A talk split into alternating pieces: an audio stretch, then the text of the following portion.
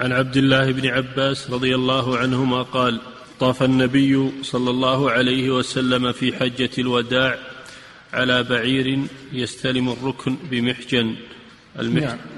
نعم هذا الحديث فيه مسألتان المسألة الأولى جواز الركوب للطائف إذا احتاج إليه لضعف أو لمرض أو لكبر أنه يحمل إما على دابة أو على عربة أو يحمله شخص يحمل يطوف محمولا لا بأس بذلك.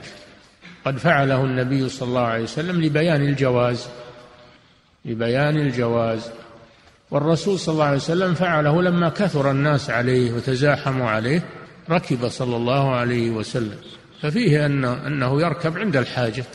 يركب عند الحاجة سواء كان مريضا أو كبيرا أو ضعيفا أو كان له شأن يتزاحمون الناس عليه فيركب من أجل أن تنفك الزحمة حوله. وفيه دليل على دخول الدواب التي يؤكل لحمها في الحرم وأن بولها وروثها طاهر. ما يؤكل لحمه فبوله وروثه طاهر. وهذا الحديث من الأدلة على ذلك لأنه لا بد أن البعير أنه يحصل منه بول في المطاف يحصل منه روث. فدل على أن هذا جائز أن أنه طاهر ولا يؤثر. نعم. عن عبد الله بن عباس رضي الله عنهما قال طاف النبي صلى الله عليه وسلم في حجة الوداع على بعير يستلم الركن بمحجن.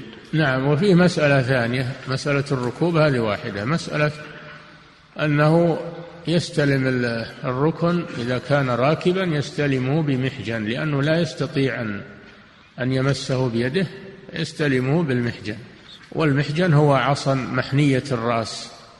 فإذا كان معه عصا أو سوط وهو راكب فإنه يستلمه بذلك.